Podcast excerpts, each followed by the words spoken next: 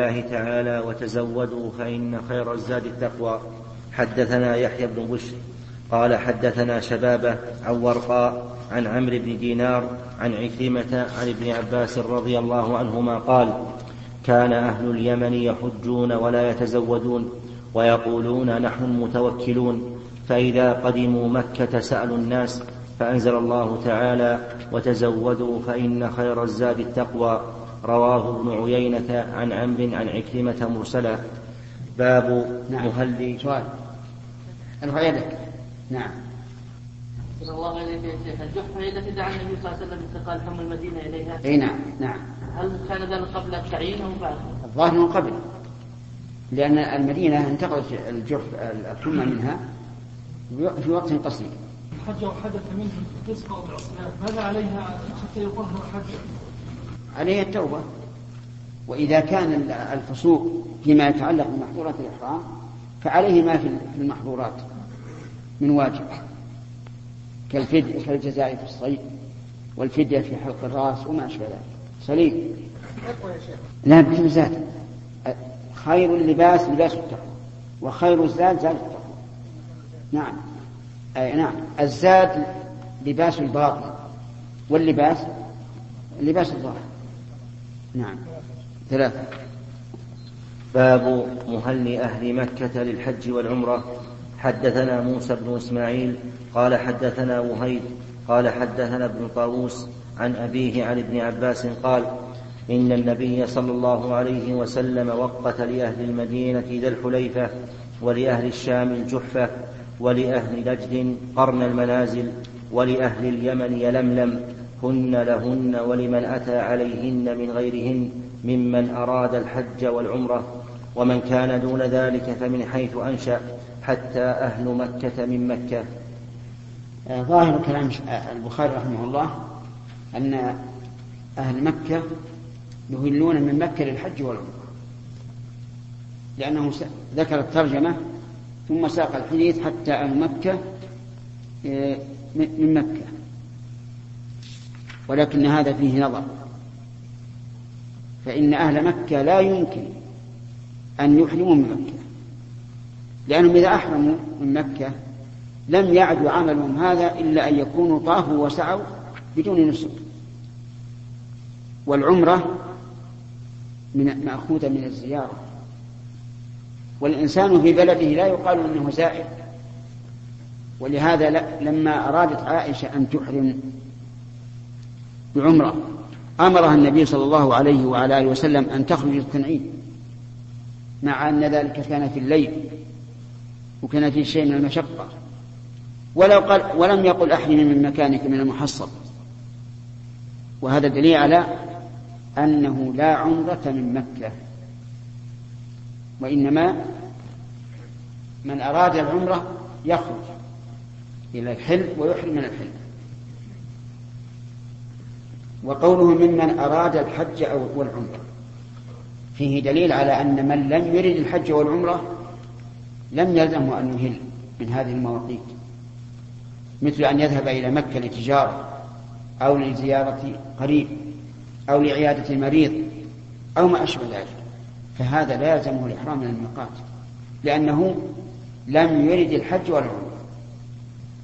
فإن قال قائل وهل يلزمه أن يريد الحج والعمرة؟ قلنا. يعني فالجواب إن كان قد أدى الفريضة لم تلزمه إرادة الحج ولا العمرة. الدليل أن النبي صلى الله عليه وعلى آله وسلم قال الحج مرة فما زاد فهو تطوع. فإن كان لم يؤدي الفريضة وجب أن يحرم. وإن أدى الفريضة فالإحرام سنة. لا شك أنه ينبغي للإنسان أن يدخل مكة بإحرام. نعم. الباب السابق أشكى علي البخاري لما ذكر الرؤيا المرسلة ذكر الرؤيا المرسلة إيش؟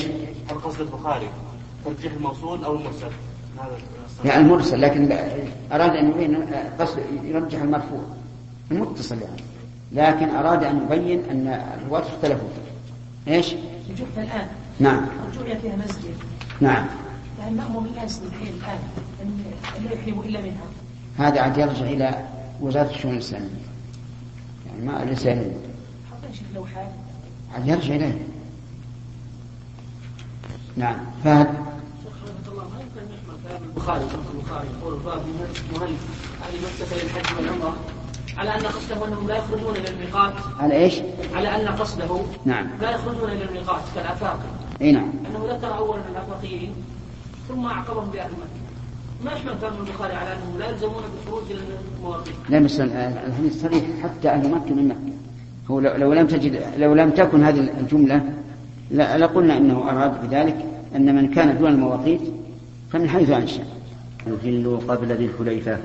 حدثنا عبد الله بن يوسف قال أخبرنا مالك عن نافع عن عبد الله بن عمر رضي الله عنهما أن رسول الله صلى الله عليه وسلم قال يهل أهل المدينة من ذي الحليفة وأهل الشام من الجحفة وأهل نجد من قرن.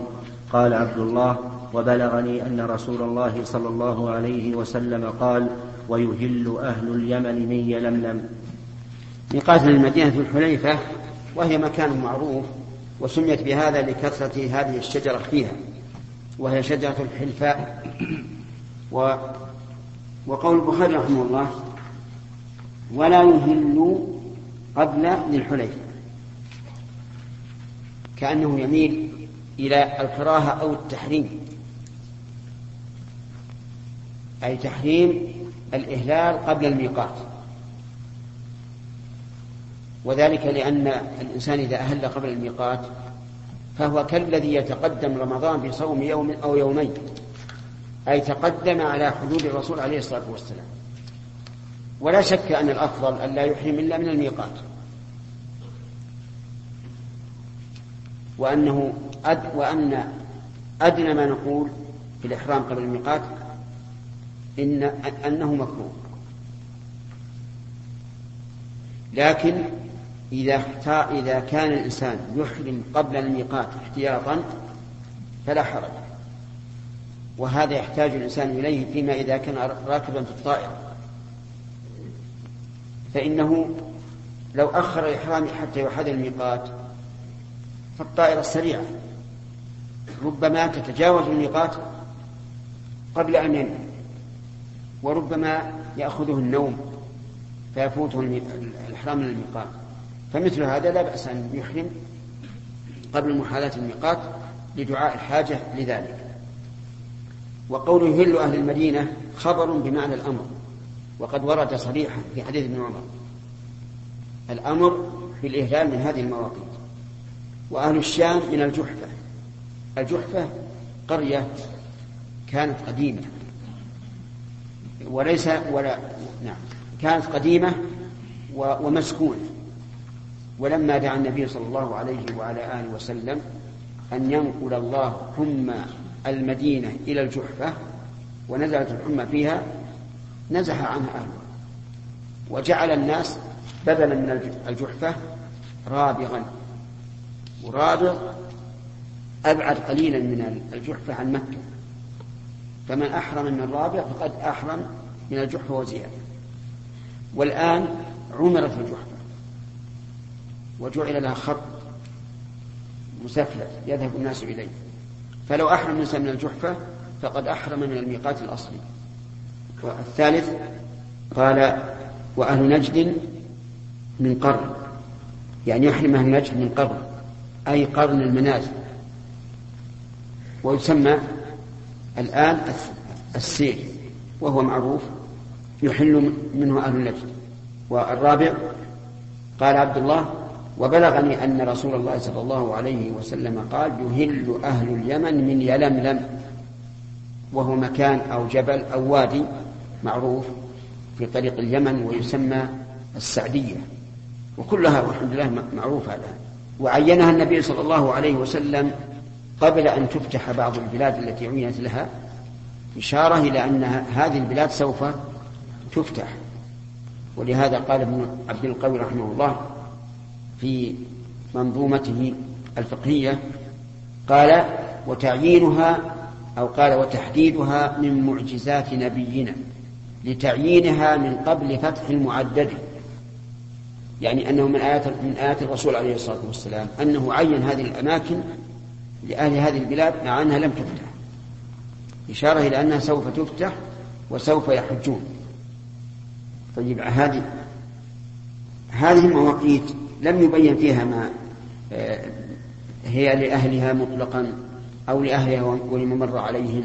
في حديث ابن عمر لكن في حديث ابن عباس الآتي ما يدل على ذلك. نعم. باب مهل أهل الشام. حدثنا مسدد. الترجمة قوله ولا يهلوا قوله باب ميقات أهل المدينة ولا يهلون قبل ذي الحليفة. قد تقدمت الإشارة إلى هذا في باب فرض المواقيت واستنبط المصنف من إيراد الخبر بصيغة نعم. واستنبط المصنف نعم. من إيراد الخبر بصيغة الخبر مع إرادة الأمر تعين ذلك. وأيضا فلم ينقل عن أحد ممن حج مع النبي صلى الله عليه وسلم أنه أحرم قبل ذي الحليفة ولولا تعيين الميقات لبادروا إليه لأنه يكون أشق. فيكون أكثر أكثر أجرا أكثر. فيكون أكثر أجرا وقد تقدم شرح المتن في الذي قبله. تقدم إيش؟ شرح المتن. شرح المتن. حديث. نعم. أشكل عليك دعاء النبي صلى الله عليه وسلم أن تنقل الحمى من المدينة إلى الجحفة. نعم. مع أن يعني المشروع الدعاء بالعافية المطلقة إيش؟ مع أن المشروع الدعاء بالعافية المطلقة نعم. الله أعلم. الله أعلم بما أراد الرسول. بعض العلماء يقول إن أن أهلها كانوا كفارا ولكن حتى هذا الجواب ما هو مقبل فيقال هذا أمر لا نعلم علته والله أعلم بما أراد الرسول. يحيى. إذا أحرم الطارئ وما يدري هل تجاوز الميقات أم لا يعني في شك. الأصل عدم التجاوز. لكن لماذا لا يحتاط؟ ويحرم مبكر حتى لو تقدم خمس دقائق ما يضر. ما دام احتياط. نهي بعض أهل العلم عن تسمية ذا الحليفة آباء علم نعم. أي. بقي شيء أهم من, من سؤالك وهو كيف كان هذا التفاوت بين المواقيت؟ فيقال التفاوت العظيم هو بين ذي الحليفة وبقية المواقيت. والعلة والله أعلم أن أن أن تتقارب خصائص الحرمين لأن الإحرام من خصائص أي الحرمين؟ حرم مكة. وهو قريب وذو الحليفة قريبة من من خصائص حرم المدينة. فالظاهر والله أعلم أنه صار بعيدا عن مكة ليكون قريبا من المدينة فتكون خصائص الحرمين متقاربة. أما بقية المواقيت فهي متقاربة يعني إن اختلفت تخلص ساعات. وأما تسمية أبي علي فقد قيل إن علي بن أبي طالب حفر أبيارا هناك فسميت به. كما سمي التنعيم مساجد عائشة مع أنها لم تبن مسجدا هناك لكنها أحرمت من من هناك فسميت مساجد عائشة. نعم. إيش؟ ما في يعني بأس إذا هذا أبدا ما هذا تسمية عرفية ما في شيء لكن بالنسبة لطلبة العلم ينبغي لهم أن يبينوا المواقيت بالألفاظ التي وردت. نعم. باب مهل أهل الشام. حدثنا مسدد قال حدثنا حماد عن عمرو بن دينار عن طاووس عن ابن عباس رضي الله عنهما قال وقت رسول الله صلى الله عليه وسلم لأهل المدينة ذا الحليفة ولأهل الشام الجحفة ولأهل نجد قرن المنازل ولأهل اليمن يلملم فهن لهن ولمن أتى عليهن من غير أهلهن لمن كان يريد الحج والعمرة فمن كان دونهن فمهله من أهله وكذاك حتى أهل مكة يهلون منها. هذا الحديث زيادة عما سبق وهو التصريح بأن النبي صلى الله عليه وعلى آله وسلم وقت لأهل اليمن يلملم. وفيه أيضا من مزاد أن هذه المواقيت لأهل هذه البلدان ولمن أتى عليهن من غير أهل هذه البلدان. ولا يخفى أن في هذا تيسيرا على المكلف. وإلا لو لقلنا إن المدني إذا جاء من طريق نجد وجب عليه أن يذهب إلى ذي الحليفة. ولقلنا إن إذا جاء من أهل نجد أحد مارا بذي الحليفة وجب أن يحرم من من قبل وفي هذا لا شك مشقة. فلذلك كان من أتى على هذه المواقيت من غير أهل هذه البلاد يحرم منها تيسيرا على المكلف. ولكن هل إحرامه منها رخصة أو عزيمة؟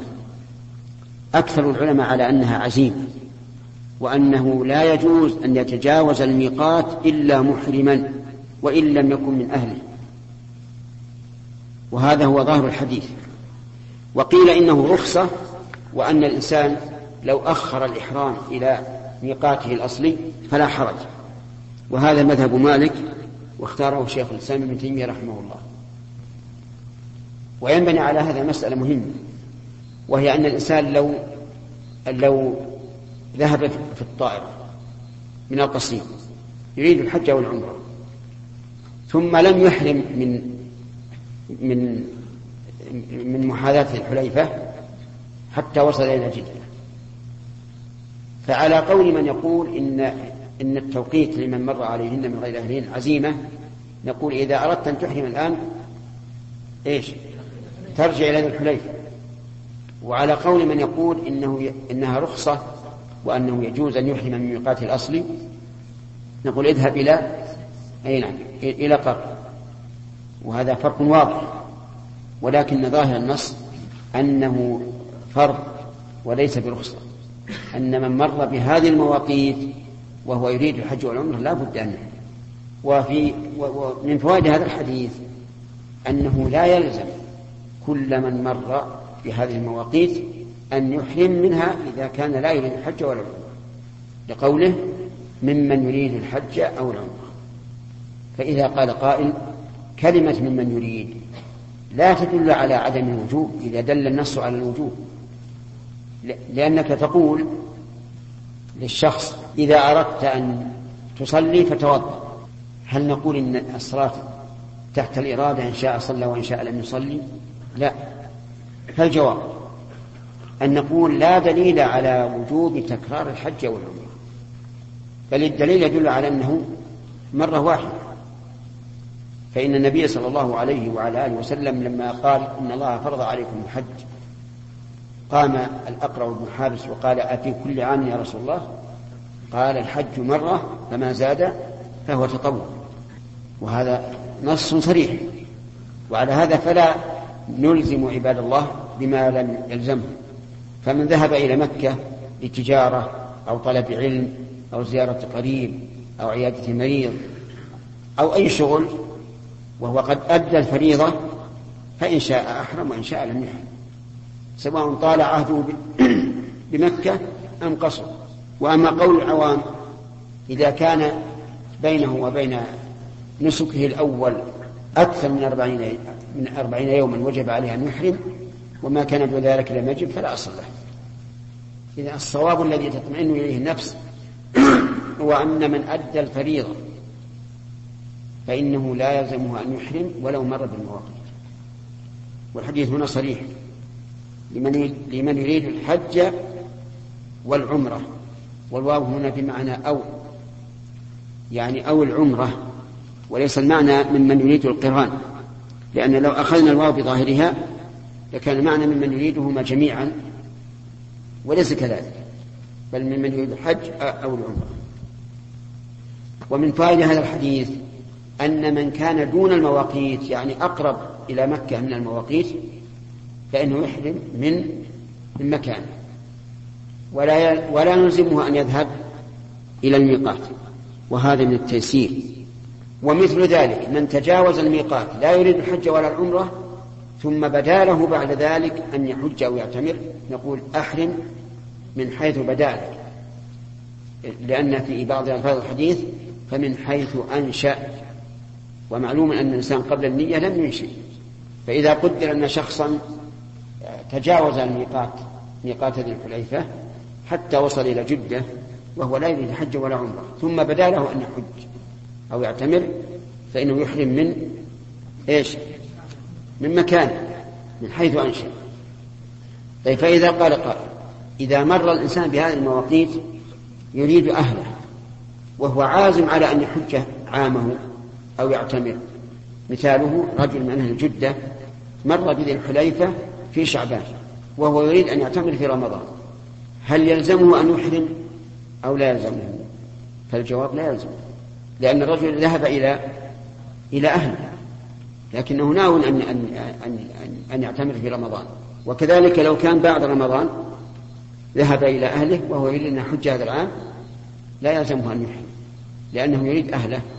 وإذا جاء وقت الحج أحرم به ومن فوائد هذا الحديث أن ظاهره أن أهل مكة يحرمون بالعمرة من مكة وقد أخذ به بعض العلماء ولكنه قول ضعيف. والصواب أنه لا بد أن يخرج أهل مكة إلى إلى الحل إلى أدنى الحل إما عرفة أو التنعيم أو من الجهة الغربية. المهم لابد أن يخرجوا إلى الحل والدليل على هذا أن النبي صلى الله عليه وعلى آله وسلم أمر عائشة أن تخرج إلى التنعيم ولم يأذن لها أن أن تحرم من مكة. فإذا قال قائل وقد قيل إن عائشة آفاقية قلنا لا فرق بين الآفاق وغيره والدليل على هذا أن الصحابة الذين حلوا من عمرتهم من أين أحرموا بالحج؟ من مكة. ولم ولم يقل لهم الرسول عليه الصلاة والسلام أنتم لستم من أهل مكة اخرجوا إلى الحل ثم إن معنى العمرة العمرة هي الزيارة. وإذا كانت هي الزيارة فلا بد أن يكون الزائر من غير بيت المزور. فإذا كنت تريد أن تعتمر والعمرة محلها الحرم فلا بد أن تأتي من الخارج من خارج الحرم. فإن قال قائل إذا كيف تقولون إن أهل مكة يحرمون بالحج من مكة؟ كنا نقول هذا لأنهم سوف يقدمون من الحل للطواف والسعي. أين الحل؟ عرفة. فلا أنتقد هذا التعليل. فالصواب عندي المتعين أنه لا يجوز لأحد في مكة أن يحرم بالعمرة من مكة. لأن حقيقته إذا أحرم من مكة حقيقته أنه طاف وسعى وقصر فقط ولم يأتي بعمرة ومن فائدة هذا الحديث قوله أهل مكة. هل يقاس على أهل مكة من كان من غير أهل مكة ولكنه في مكة؟ الجواب؟ نعم بل هذا لا قياس فيه في الواقع. جاء به النص. فإن الصحابة الذين حلوا من من من عمرتهم في في حجة الوداع كلهم أحرموا منين؟ من الأبطح من مكة. نعم. انتهى الوقت. قال البخاري رحمه الله تعالى في صحيحه في كتاب الحج باب مهل أهل نجد. حدثنا علي قال حدثنا سفيان حفظناه من الزهري عن سالم عن أبيه وقت النبي صلى الله عليه وسلم. حدثنا أحمد قال حدثنا ابن وهب قال أخبرني يونس عن ابن شهاب عن سالم بن عبد الله عن أبيه رضي الله عنه أنه قال سمعت رسول الله صلى الله عليه وسلم يقول مهل مهل أهل المدينة ذو الحليفة ومهل أهل الشام مهيعة وهي الجحفة وأهل نجد قرن. قال ابن عمر رضي الله عنهما زعموا أن النبي صلى الله عليه وسلم قال ولم أسمعه ومهل أهل اليمن يلملم. يعني سبق يعني الأحاديث اختلفت في اللفظ فقط من المعنى واحد. ومن ورع ابن عمر رضي الله عنه أنه نسب توقيت يلملم لأهل اليمن إلى شخص آخر آه، بلغه بذلك. وهذا كقوله في في سنة الفجر لما ذكر أن النبي صلى الله عليه وسلم يصلي الرواتب التي ذكرها قال وحدثتني حفصة أن النبي صلى الله عليه وسلم كان يصلي بعد الفجر ركعتين خفيفتين وكان الساعة لا أدخل على النبي صلى الله عليه وعلى آله وسلم فيها. نعم.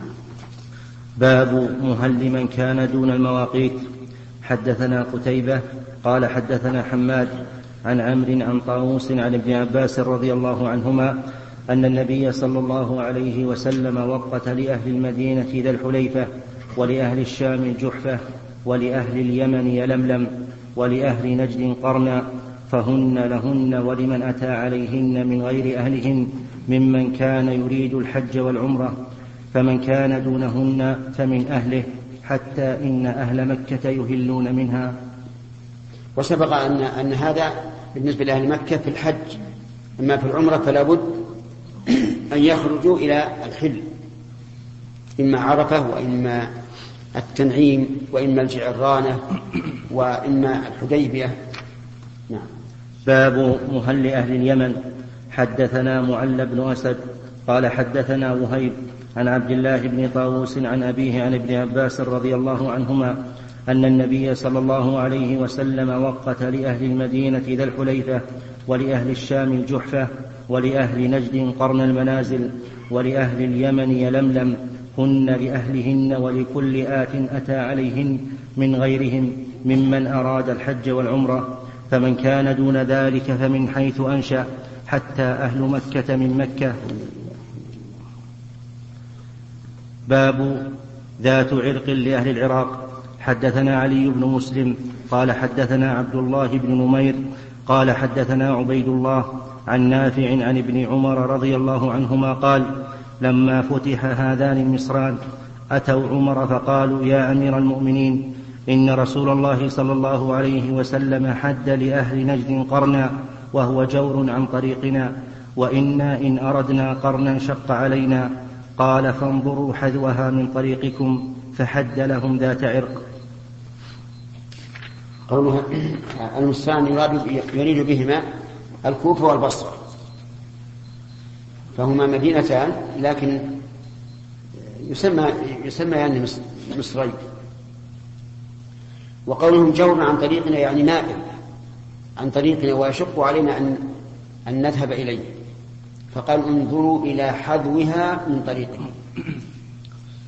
لكن ما المراد بالحذو؟ المراد المساواة. وهل المراد المساواة بخط مستقيم أو بخط آه، منحني؟ بمعنى أن نجعل بيننا وبين مكة كما بين قرن المنازل ومكة. وما فهمتم؟ يعني بينهم فرق. إذا قلنا خط مستقيم ربما تكون عرق أبعد من من آه، قرن المنازل.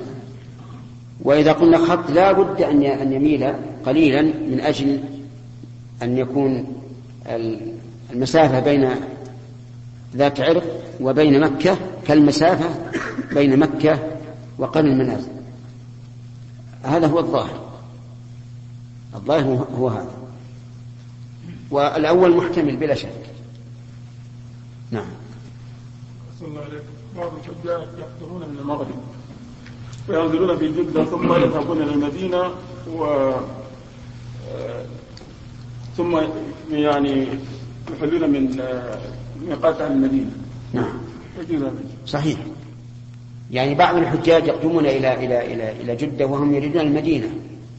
ثم إذا رجعوا أحرموا من ذي الحليفة. هذا لا بأس به ولا إشكال فيه. لكن لو منعوا من الذهاب إلى المدينة كما يقع أحيانا فمن أين يحرمون؟ هل نقول يجب أن يذهبوا إلى الميقات وأذن المواقيت إليهم رابط؟ أو يحرمون من جدة؟ فالجواب أنهم يحرمون من جدة لأنهم إنما أنشأوا إرادة الحج من جدة. وكانوا بالأول قد مروا بالميقات عن عن طريق السفر. نعم. بعضهم يأتي بنية العمرة يعني يحرم في الطائرة. نعم. فإذا وصل إلى جدة ألزموه بالذهاب إلى المدينة. نعم. فماذا عليه؟ يبقى على الإحرام. ما دام عقد الإحرام في الطائرة ثم قيل له لا بد أن تذهب إلى المدينة يذهب على إحرامه. نعم؟ لا ما ينفسخ. إذا فسخه فهو باق على إحرام نعم؟ ثم ثم هو إذا رجع بيحرم من الميقات من ذي الحليفة ما فيه له أن يتحلل ما بين جدة إلى إلى المدينة وخروجه إلى ذي الحليفة أما مسألة الوجوب الدم ما يجب عليه دم لأنه جاهل. نعم يا سليم. للغسل للنساء في الوقت هذا ما يستطيع يعني ما جاء ما فيه بحث في الغسل اي بس إحنا إحنا بالمواقيت. ما بعد مسمى. انتظر انتظر جزاك الله خير. نعم. طيب وفي هذا أثر عمر رضي الله عنه إثبات القياس. لأن قوله إلى حذر من طريقكم يعني قيسوا هذا على هذا. وفيه أن الإنسان إذا أتى بالطائرة لابد أن يحرم إذا حاذ الميقات الذي تحته. لابد وقد وقع لشيخ الإسلام رحمه الله في كتابه أظن كتاب الاستغاثة أنه ذكر عن الدجالين الذين تحملهم الشياطين إلى مكة وذكر من جملة أخطائهم أنهم يمرون من فوق المواقيت ولا يحرمون. سبحان الله. أنطق الله هذا الرجل قبل أن توجد الطائرات. لأن الشياطين تمر بهم من عند الميقات يقول ولا يحرمون. وكان عليهم أن يحرموا إن كانوا صادقين. الله أكبر سبحان الله نعم. عشر نعم. عشر ثواني. انتهى الوقت؟ ها؟ كيف؟ لا أن هذه الساعة وش نحطها في المدينة على ساعة. الساعة هنا ساعة بقى خمس ثواني. لا ساعة باقي هذه ساعة. أجل عدل ذي ولا عدل ساعة لازم ها. مقدمة. ما نتحدث كل بيت. ما يخالف. هي سهلة. أي نعم صحيح. لا سهلة. أجل نعتمد هذا. نعتمد هذا. نعدل ساعة إن شاء الله بإذن الله. نعم يا آدم. السؤال الثالث أظن. نعم. من كان في داخل الميقات. نعم. هل يلزمه أن يحرم من بيته أو له الفسحه إلى أن يقول؟ أي نعم له أن يحرم من كل جدة من كل جدة نعم. ولكن الأفضل من بيته لا شك من حيث أنشأ. وكذا عند الميقات مالك مكان معين. الميقات مالك مكان معين. يعني كل الفسحة اللي حول الميقات كلها محل مكان الإحرام لأنه مالك مكان فيها معين. لكن في جدة عندك بيت الأحسن أن لا تتجاوز البيت إلا وأنت محرم. فهمت الفرق؟ إيش؟ أشكر عليها قولنا أنه إذا منع من المدينة. أشكل علينا قولنا. من اللي قاله؟ من اللي قاله غيرك؟ يا علي لا بأس. نعم. طيب. أنه إذا منع من المدينة يرجع في جدة لا ما هو بيرجع هو الآن في جدة. لا شيخ الطريق. منع من التفتيش. ها؟ منع من من الطريق. طيب. يعني بعد ما خرج من جدة؟ طيب يحرم من المكان الذي الذي منع منه. ما دام إنه آه، نوى العمرة خلاص. آه، أو الحج يحرم من مكانه من حيث أنشأ. اح- احفظ من حيث أنشأ. باقي نص دقيقة. نعم. فيصل. أجل آه، عبد الرحمن جمعة. في مسألة ما تطرقنا لها وهي إذا كان على الإنسان دين. يحج لا ما لا من عليه دين ما, ما يستطيع ولا حاجة يستأذن حتى لو أذن له. إلا إذا كان الدين مؤجلا وهو واثق من نفسه أنه سوف ي- يعني يقضيه إذا حل أجله فيحج. ولا وش الفائدة أنه يسمح لك؟ لو, لو سمح لك ما يسقط عنك شيء. عبد الرحمن. آه، عندنا السؤال بعد السؤال الصوفية يحجون ويقولون في يعني في كلام فيما بينهم. يقول نحن نحج لكننا نقصد القبر القبر إيه. قبر من؟ قبر النبي صلى الله عليه وسلم. طيب لما راحوا المدينة. راح المدينة آه. لكن يقولون نحن نحج وفي حال الإحرام نقصد القبر. أعوذ بالله. هل يحج؟ يعني عقد حج. ما ما أدري. يحتاج يتأمل إذا كان ما أراد بالحج إلا الوصول للقبر فلا حج فلا حج له. ثم شيخ أحسن الله إليكم. بعد ما يلبسون الإحرام في في المدينة. من أين من أين من أين أتوهم؟ لا من أين أتوهم؟ من أي من أي, من أي جهة؟ لأن العلماء يقولون إن الذي يأتي من سواكن في قبالة جدة يحرم, من جدة. لأن جدة إذا رأيتها في ال- في الخارطة رأيت أنها داخلة في البحر. فرابط آه، دا- داخل إلى مكة أقرب وكذلك يلملم. فإذا جاء من رأسا إلى جدة يحرم من جدة. هو يحرم من جدة شيخ أحسن الله إليكم ويحج ثم يروح المدينة ويلبس لها إحرام. حرام المدينة؟ طيب وش يقول لبيك إيش؟ ما يقول لبيك. هو زيارة هذه يتقصدون بعض الأشياء وكتب في جيوبهم يأخذ اللهم والله. ما تعلمون جزاك الله خير لا لا تيأس لا تيأس. ولا صحيح في بعض العوام بعض الحجاج يعني يرون زيارة المدينة أهم من الكعبة أهم من زيارة الكعبة. سمح لنا بهذا يقولون نحن نقصد المدينة أولا. اللهم عافية الله يهديهم الله يهديهم الحمد لله لا يفضلنا على كثير من عباده المؤمنين. قال الإمام البخاري رحمه الله تعالى في كتاب الحج باب حدثنا عبد الله بن يوسف قال أخبرنا مالك عن نافع عن عبد الله بن عمر رضي الله عنهما أن رسول الله صلى الله عليه وسلم أناخ بالبطحاء بذي الحليفة فصلى بها وكان عبد الله بن عمر رضي الله عنهما يفعل ذلك. بسم الله الرحمن الرحيم. سبق لنا أن البخاري رحمه الله إذا قال باب ولم يذكر العنوان فإنه بمنزلة قول المؤلفين فصل. فانتبهوا لهذا الاصطلاح. وفي هذا الحديث حرص ابن عمر رضي الله عنهما على تحري الأماكن التي ينزل بها النبي صلى الله عليه وعلى آله وسلم ويصلي فيها حتى إنه رضي الله عنه يتحرى الأمكنة التي نزل النبي صلى الله عليه وعلى آله وسلم فيها فبال فيها. لكن هذا الأصل يقول شيخ الإسلام رحمه الله قد خالفه بقية الصحابة وقالوا إنه لا أسوة إلا في العبادة فقط. وأما ما يفعله على سبيل الجبلة فهذا لا يقتدى به. يعني مثلا الإنسان علم أن النبي صلى الله عليه وسلم نزل فبال في مجيئه من من عرفة إلى مزدلفة في أثناء الطريق. هل نقول يسن أن ننزل ونبول في المكان هذا؟ ابن عمر يفعل هذا رضي الله عنه ويتحراه لكن الأصل الذي عند الصحابة رضي الله عنهم عند أكثر الصحابة وعليه أكثر العلماء أن هذا لا ليس مما يتأسى به. فيه نعم. باب خروج النبي صلى الله عليه وسلم على طريق الشجرة.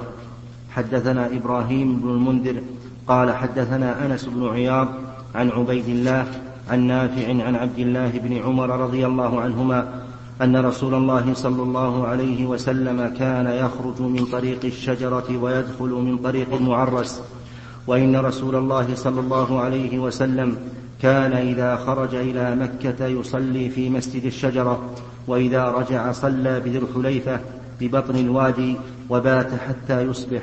اللهم صل وسلم. شوف الشرح. قوله باب خروج النبي صلى الله عليه وسلم على طريق الشجرة. قال عياض هو موضع معروف على طريق من أراد الذهاب إلى مكة من المدينة. كان النبي صلى الله عليه وسلم يخرج منه إلى ذي الحليفة فيبيت بها. وإذا رجع بات بها أيضا ودخل على طريق المعرس بفتح الراء المثقلة وبالمهملتين وهو مكان معروف أيضا. وكل من الشجرة والمعرس على ستة أميال من المدينة لكن المعرس أقرب. وسيأتي في الباب الذي بعده مزيد بيان في ذلك. قال ابن بطال كان صلى الله عليه وسلم يفعل ذلك كما يفعل في العيد يذهب من طريق ويرجع من أخرى. وقد تقدم القول في, حكم في حكمة ذلك مبسوطا. وقد قال بعضهم إن نزوله هناك لم يكن قصدا وإنما كان اتفاقا. حكاه إسماعيل, إسماعيل القاضي في أحكامه عن محمد بن الحسن وتعقبه.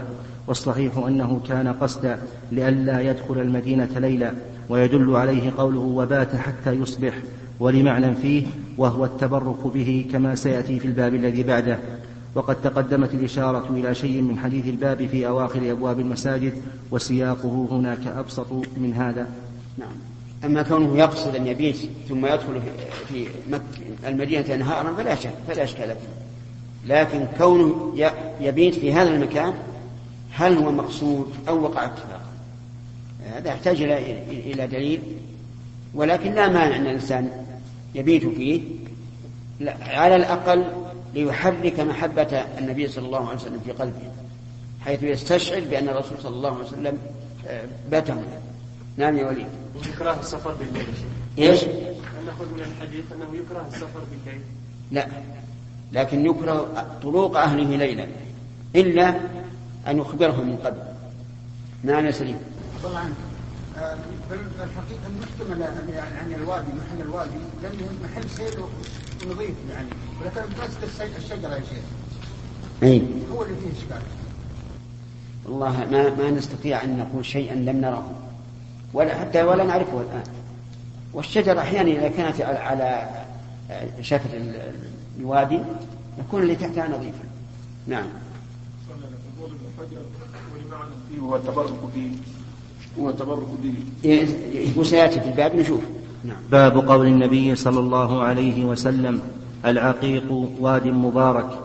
حدثنا الحميدي قال حدثنا الوليد وبشر بن بكر التونسي قال حدثنا الأوزاعي قال حدثنا يحيى قال حدثني عكرمة أنه سمع ابن عباس رضي الله عنهما يقول إنه سمع عمر رضي الله عنه يقول سمعت النبي صلى الله عليه وسلم بوادي العقيق يقول أتاني الليلة آت من ربي فقال صل في هذا الوادي المبارك وقل عمرة في حجة. هذا هذا وجه البركة. أنه أنه وادي مبارك. فقصد النبي صلى الله عليه وسلم المبيت فيه. نعم. حدثنا محمد بن أبي بكر قال حدثنا فضيل فضيل بن سليمان قال حدثنا موسى بن عقبة قال حدثني سالم, سالم بن عبد الله عن أبيه رضي الله عنه عن النبي صلى الله عليه وسلم أنه رؤيا وهو في معرس بذي الحليفة ببطن الوادي. قيل له إنك ببطحاء مباركة وقد أناخ بنا سالم يتوخى بالمناخ الذي كان عبد الله ينيخ يتحرى معرس رسول الله صلى الله عليه وسلم وهو أسفل من المسجد الذي ببطن الوادي. بينهم وبين الطريق وسط من ذلك. كل هذا يحتاج إلى معرفة الأمكنة هذه وإلى الوقوف عليها. نعم. باب غسل الخلوق ثلاث مرات من الثياب. قال أبو عاصم أخبرنا ابن جريج قال أخبرني عطاء أن صفوان بن يعلى أخبره. أن يعلى قال لعمر قال لعمر رضي الله عنه أرني النبي صلى الله عليه وسلم حين يوحى إليه. قال فبينما النبي صلى الله عليه وسلم بالجعرانة ومعه نفر من أصحابه جاءه رجل فقال يا رسول الله كيف ترى في رجل أحرم بعمرة وهو متضمخ بطيب؟ فسكت النبي صلى الله عليه وسلم ساعة فجاءه الوحي. اقلب الشريط من فضلك.